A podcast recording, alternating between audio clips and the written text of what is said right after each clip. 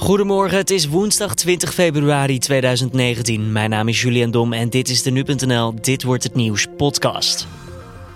WhatsApp is inmiddels vijf jaar in handen van Facebook. Mark Zuckerberg, grote baas bij Facebook, zou graag de twee apps verder met elkaar willen integreren. Maar vooralsnog mag dat niet gebeuren in Europa. Dus hoe meer zij over jou als gebruiker of als persoon weten, hoe beter zij jouw persoonlijke advertenties kunnen voorschotelen. En dat is dan waardevol, want daar betalen adverteerders meer voor.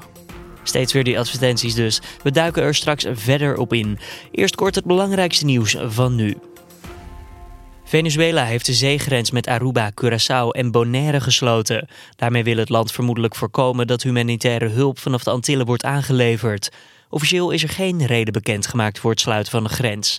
Juan Guaido, die zichzelf een maand geleden tot interim-president van Venezuela benoemde, heeft aangekondigd dat op zaterdag hulpgoederen het land zullen binnenkomen. Dat zou onder meer via Curaçao gebeuren.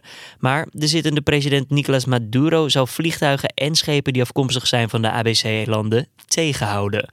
Maduro noemt de hulpactie een voorbode van buitenlands militair ingrijpen. Het CDA twijfelt aan de kwaliteiten van het Planbureau voor de Leefomgeving. Dat meldt de NOS. De rekenmodellen die worden gebruikt zijn volgens CDA-kamerlid Pieter Omtzigt niet controleerbaar. En um, dan zeg ik van nou, geef me het model. Krijg ik het model niet, dan zeg ik geef me de brief van de wetenschapper die het model gevalideerd heeft. Dus die gekeken heeft of het model klopt.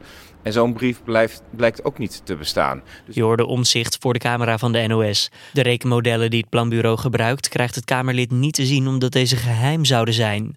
Momenteel houdt het planbureau zich bezig met het doorrekenen van de plannen van het concept Klimaatakkoord. Dat zou gebeuren met hetzelfde rekenmodel. Een Chinese vrouw die ook al de ivoorkoningin wordt genoemd, heeft in Tanzania 15 jaar celstraf gekregen voor het smokkelen van slachthanden. De autoriteiten denken dat de 69-jarige vrouw de slachthanden van zeker 400 olifanten heeft verhandeld. Naast de vrouw zijn ook twee mannelijke handlangers veroordeeld. In totaal moeten de drie een boete van 11,5 miljoen euro betalen.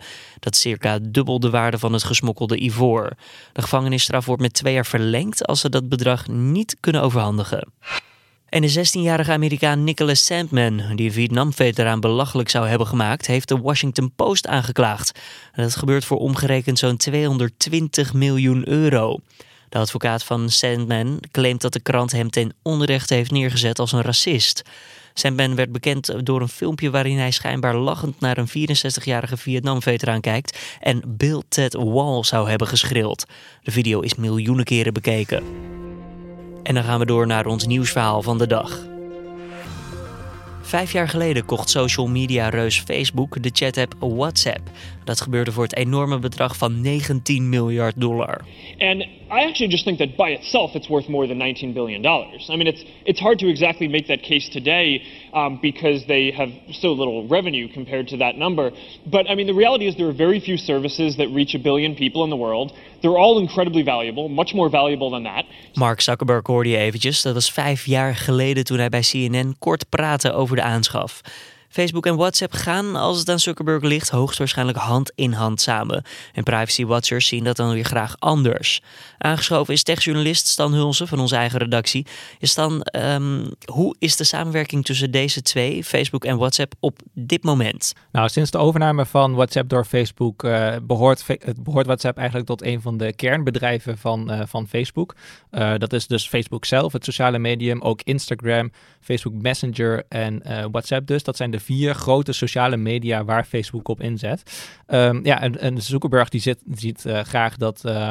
Uh, dat, dat die meer geïntegreerd worden. Dat, uh, dat bijvoorbeeld data van de ene partij ook beschikbaar wordt voor die andere partij. Want ja, Facebook is uiteindelijk een advertentiebedrijf.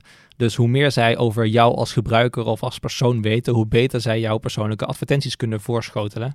En dat is dan waardevol, want daar betalen adverteerders meer voor. Want daarover, um, wat voor informatie wil Facebook dan van WhatsApp? Gaat het om de namen en de inhoud van je chatberichten? Nee, ten eerste uh, kan dat niet. Uh, WhatsApp maakt gebruik van uh, een vrij sterke versleuteling, die heet end-to-end -end encryptie. En dat houdt eigenlijk in dat als een bericht via de server van WhatsApp naar een ontvanger wordt gestuurd, Facebook of WhatsApp die berichten niet kan inzien. Dat kan alleen degene die het bericht verstuurt, dus de verzender, en degene die uiteindelijk het bericht ontvangt. Maar de inhoud van die berichten zelf, en dat gaat dus ook, geldt dus ook voor video's die verstuurd worden, voor links die verstuurd worden, voor audioberichten die verstuurd worden, die, die zijn allemaal niet zichtbaar.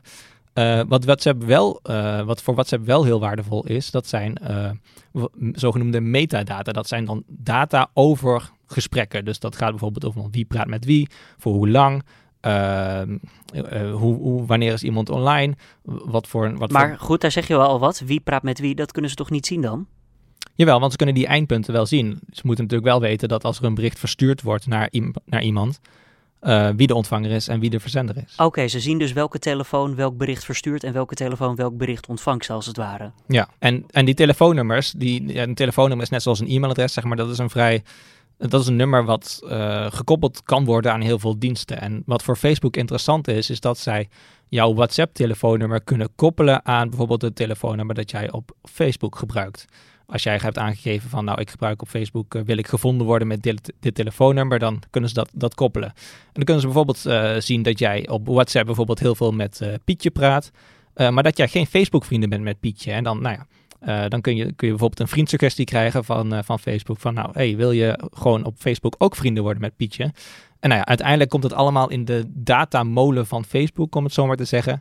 Hoe meer jij Facebook gebruikt, hoe actiever jij op dat platform bent, Ehm, hoe beter zij aan jou uh, kunnen voorschotelen wat voor adverteerders interessant is. En nou is het wel opmerkelijk, vanaf het begin af aan, toen Facebook uh, WhatsApp kocht, hadden ze gezegd: nee, weet je, zo'n koppeling is niet mogelijk. Gaat ook misschien niet gebeuren, of misschien heel erg ooit is in de toekomst. Maar die koppeling bleek vanaf het begin daadwerkelijk wel mogelijk te zijn. Uh, hoe zit dat precies? Ja, dat is inderdaad waar. Facebook heeft gezegd dat die koppeling niet klaar lag. In ieder geval dat ze niet automatisch WhatsApp konden koppelen aan Facebook-nummers. Het bleek dat dat wel het geval was. Wil overigens niet zeggen dat dat ook gebeurd is. Uh, maar die, die infrastructuur, zeg maar, die bodem die dat mogelijk maakt, die, die lag al klaar. Ondanks dat ze zeiden dat het niet zo was. En daar heeft Facebook ook voor in de buidel moeten tasten. Want de Europese Commissie die heeft dat ontdekt. En die heeft gezegd, jullie moeten een boete van 110 miljoen euro betalen. Want jullie hebben gezegd dat het niet zo was, terwijl die basis gewoon wel klaar lag.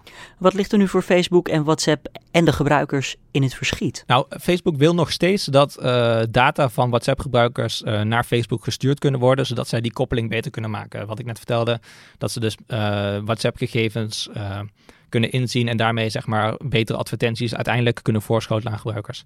Uh, in Europa, ja, daar uh, liggen de, de privacywaakhonderen liggen daar dwars, want WhatsApp die was al heel groot toen Facebook het partij overnam. Dat ging toen wereldwijd om 450 miljoen gebruikers. Inmiddels zijn dat er trouwens anderhalf miljard. Um, maar die hebben in principe niet in het begin toestemming gegeven om die gegevens naar Facebook te sturen. En in 2016 hebben ze dat wel aangekondigd. In augustus zeiden ze toen van, uh, nou, we willen, we willen die koppeling sterker gaan maken. En dat betekent dat uh, ja, als jullie uh, akkoord gaan met de nieuwe voorwaarden, dan stem je ook in dat jouw gegevens met Facebook gedeeld kunnen worden voor dit soort advertentiedoeleinden. En voor de duidelijkheid, dat waren nieuwe voorwaarden die niet geweigerd konden worden als je de app wilde blijven gebruiken, toch? Ja, dat klopt. Dus je kon de app, je kon, ja, eigenlijk had je twee, twee opties akkoord met de nieuwe voorwaarden of niet akkoord. Maar ja, dan, dan kon je WhatsApp niet meer gebruiken. Um, Europa heeft daar vervolgens wel een stokje voor gestoken, omdat ze zeggen van, ho, dat gaat niet zomaar. Uh, uh, gebruikers moeten altijd een vrije keuze blijven houden. En nou ja, Facebook, sindsdien ligt het eigenlijk in Europa stil. Dus er wordt op dit moment van Europese gebruikers geen data gedeeld voor advertentiedoeleinden. Uh, op Facebook bijvoorbeeld, of om Facebook-diensten te verbeteren voor hun eigen, nou, wat ik net vertelde over bijvoorbeeld vrienden die, die gesuggereerd kunnen worden. Wat er wel gedeeld wordt, is data die Facebook kan helpen om misbruik aan te pakken. Dus als jij bijvoorbeeld op Facebook geregistreerd bent met een bepaald telefoonnummer en op WhatsApp ook, en je misbruikt WhatsApp om spam te versturen, dan kunnen ze dat ook koppelen aan Facebook en dan kunnen ze bijvoorbeeld zien van, hey, op Facebook uh, houdt die persoon zich ook bezig met allemaal uh, activiteiten die niet door de burger kunnen. Dus dan kunnen ze zowel op Facebook als op WhatsApp gelijk actie ondernemen. Oké, okay, dus in het kort samenvattend stand, voorlopig hoeven we ons in Europa nog geen zorgen te maken dus. Nee, Facebook heeft beloofd dat zij pas uh, daadwerkelijk met die datadeling doorgaan als zij uh, kunnen voldoen aan die zorgen van de privacyautoriteiten. En ze hebben ook gezegd dat ze daar heel erg transparant over zullen zijn. Dus nou ja, zodra dat daadwerkelijk uh, stappen gaat ondernemen en hoe dat dan precies uit gaat zien, dat zullen we in de toekomst wellicht een keer werken. Wanneer precies is onduidelijk, uh, maar voorlopig verandert er niks. Uh, WhatsApp en Facebook kunnen jouw berichten in ieder geval niet inzien. En ook andere gegevens die gebruikbaar, gebruikt kunnen worden op Facebook. Uh, ja, dat is voorlopig dus ook niet aan de orde. Dankjewel Stan Hulse, tech-redacteur hier bij Nu.nl. En dan gaan we van hoe onafhankelijk is WhatsApp van Facebook naar jouw eigen link met WhatsApp. De chat-app kan namelijk constant trillen of pingen vanwege inkomende berichtjes. Natuurlijk, dat ligt niet aan WhatsApp alleen, maar geblauwvinkt worden doet wel een beetje pijn. Dat is trouwens dat je een bericht wel uh, hebt ontvangen. Dat is trouwens dat je bericht wel is ontvangen en hoogstwaarschijnlijk ook nog eens gelezen is, vandaar de blauwe vinkjes, maar dat je geen reactie terugkrijgt. Geblauwvinkt, onthoud dat woord. Hoe onafhankelijk zijn wij dus als persoon van WhatsApp?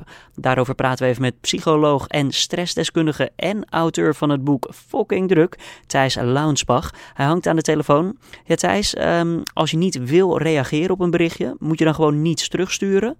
Of toch even appen dat je er later op terugkomt? um, nou, dat is, daar, daar heb je precies, denk ik, het grote probleem te pakken. Het is altijd urgent als je een WhatsAppje krijgt. En je wordt min of meer gedwongen, zeker als de sociale norm is dat je altijd reageert, om daar meteen iets mee te doen. Ook al is het voor jou op dat moment niet zo belangrijk. Um, of, of wil je even helemaal niet zo bereikbaar zijn. Um, ik, ja, dus ik, wat, je, wat je zou kunnen doen is zeggen: hey, ik, ik stuur je zo'n appje. Dan ben je er al wel mee bezig. En dan zit het in je hoofd, als het ware. Um, wat je denk ik beter kunt doen is afspraken maken binnen je team of binnen, met je werkgever over hoe jij benaderd wil worden en via welke kanalen. En ik zou zeggen, WhatsApp is daar niet het meest ideale kanaal voor. Oké, maar welk kanaal dan wel? Nou, wat ik meestal adviseer aan bedrijven waar ik mee werk, is doe de dingen die echt heel erg uh, dringend zijn. Dus bijvoorbeeld, hè, de, dus als de tent in de fik staat, dan moet je bellen. Um, en dan kan je ook met elkaar afspreken, als we bellen met elkaar, dan weten we ook dat het is belangrijk en daar reageren we meteen op. Voor alle andere dingen zou ik zeggen, doe ze gewoon per mail. En soms misschien ook gewoon eventjes je telefoon wegleggen, of niet? Ja, maar ik zou dus zeggen, maak ook, maak ook belangrijke afspraken over um, wanneer je en hoe je wordt benaderd. Ik zou bijvoorbeeld zeggen, een WhatsApp-groep met je collega's of met je team, dat, uh, dat klinkt misschien heel aantrekkelijk, maar dat heeft grote nadelen. Um, bijvoorbeeld dat je dus dat, dat opeens alles belangrijk wordt wat daarin besproken wordt. Of dat het soms zakelijk is en soms privé. En die dingen door elkaar gaan lopen. Eh, een, voorbeeld is, ik, ik werkte op de universiteit in een team met docenten. Um, waarbij op zondagochtend ik opeens in de appgroep een mailtje of een appje kreeg. Met de boodschap, ja, ik heb een mail van een student gekregen. En die is in paniek, want die moet een bepaald document hebben. Um, en vervolgens reageerde iemand, oh, dat is mijn fout, ik ben dat vergeten up te loaden. Waarop iemand anders reageerde, ja, hier heb je het, ik heb het net naar je gemaild. Um, waarop drie mensen in die appgroep op zondagochtend aan het werken waren. En vervolgens de, de tien mensen eromheen ook al die berichten meekregen, terwijl het eigenlijk best wel tot maandag had kunnen wachten. Dat is het grote nadeel van uh, WhatsApp als een zakelijk medium. Dank je Thijs Launsbach, psycholoog, stressdeskundige en schrijver van het boek Fucking Druk. Fijn dat je even aan de telefoon kon komen. De afsluitdijk is vanavond en komende nacht nog afgesloten vanwege testen. Het is wel de laatste keer dat Rijkswaterstaat een test uitvoert bij de bruggen op de afsluitdijk. Zowel automobilisten als het scheepvaartverkeer zullen daardoor worden gehinderd. Er gelden omleidingsroutes. En de Britse premier Theresa May heeft in Brussel overleg over de brexit met voorzitter van de Europese Commissie Jean-Claude Juncker. May probeert te heronderhandelen over het al gesloten brexitakkoord. Onderwerp van gesprek zal onder meer de zogeheten backstop bij de Ierse grens zijn, waar we het ook al meerdere keren hier in de Dit wordt het nieuws podcast over hebben gehad.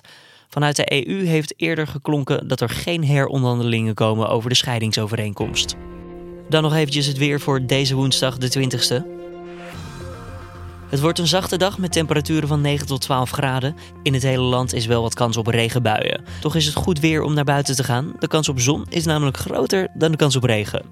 En dan nog even dit. George R.R. Martin, de schrijver en bedenker van de boekserie Game of Thrones, heeft ook veel andere verhalen geschreven, waaronder Night Flyers. En dat verhaal is ook weer verfilmd tot een serie. Het is een space horror drama dat zich afspeelt in 2093 aan boord van het ruimteschip Night Flyer. De serie is inmiddels al te zien op Netflix, maar vandaag, zojuist, letterlijk, is bekend geworden dat het bij de eerste tien afleveringen blijft. De serie waar R.R. Martin ook producent van is, is namelijk gecanceld.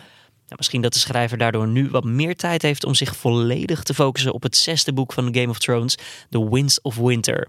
Fans wachten namelijk al sinds 2011 op dit deel. In 2014 werd R. Martin al eventjes door de Zwitserse krant Tagesanzeiger gevraagd over de komst van het boek. En wat hij vindt van fans die denken van nou, wellicht krijg je het niet af omdat je al wat oud bent en het duurt maar en het duurt maar. Luister zelf maar even. I mean, there is the possibility, I don't know if you want to talk about this, but... Um... Well, I find that question, you know, pretty offensive, frankly, when people start Yeah. speculating about my death and my health. So, Yeah, yeah. fuck you to those people.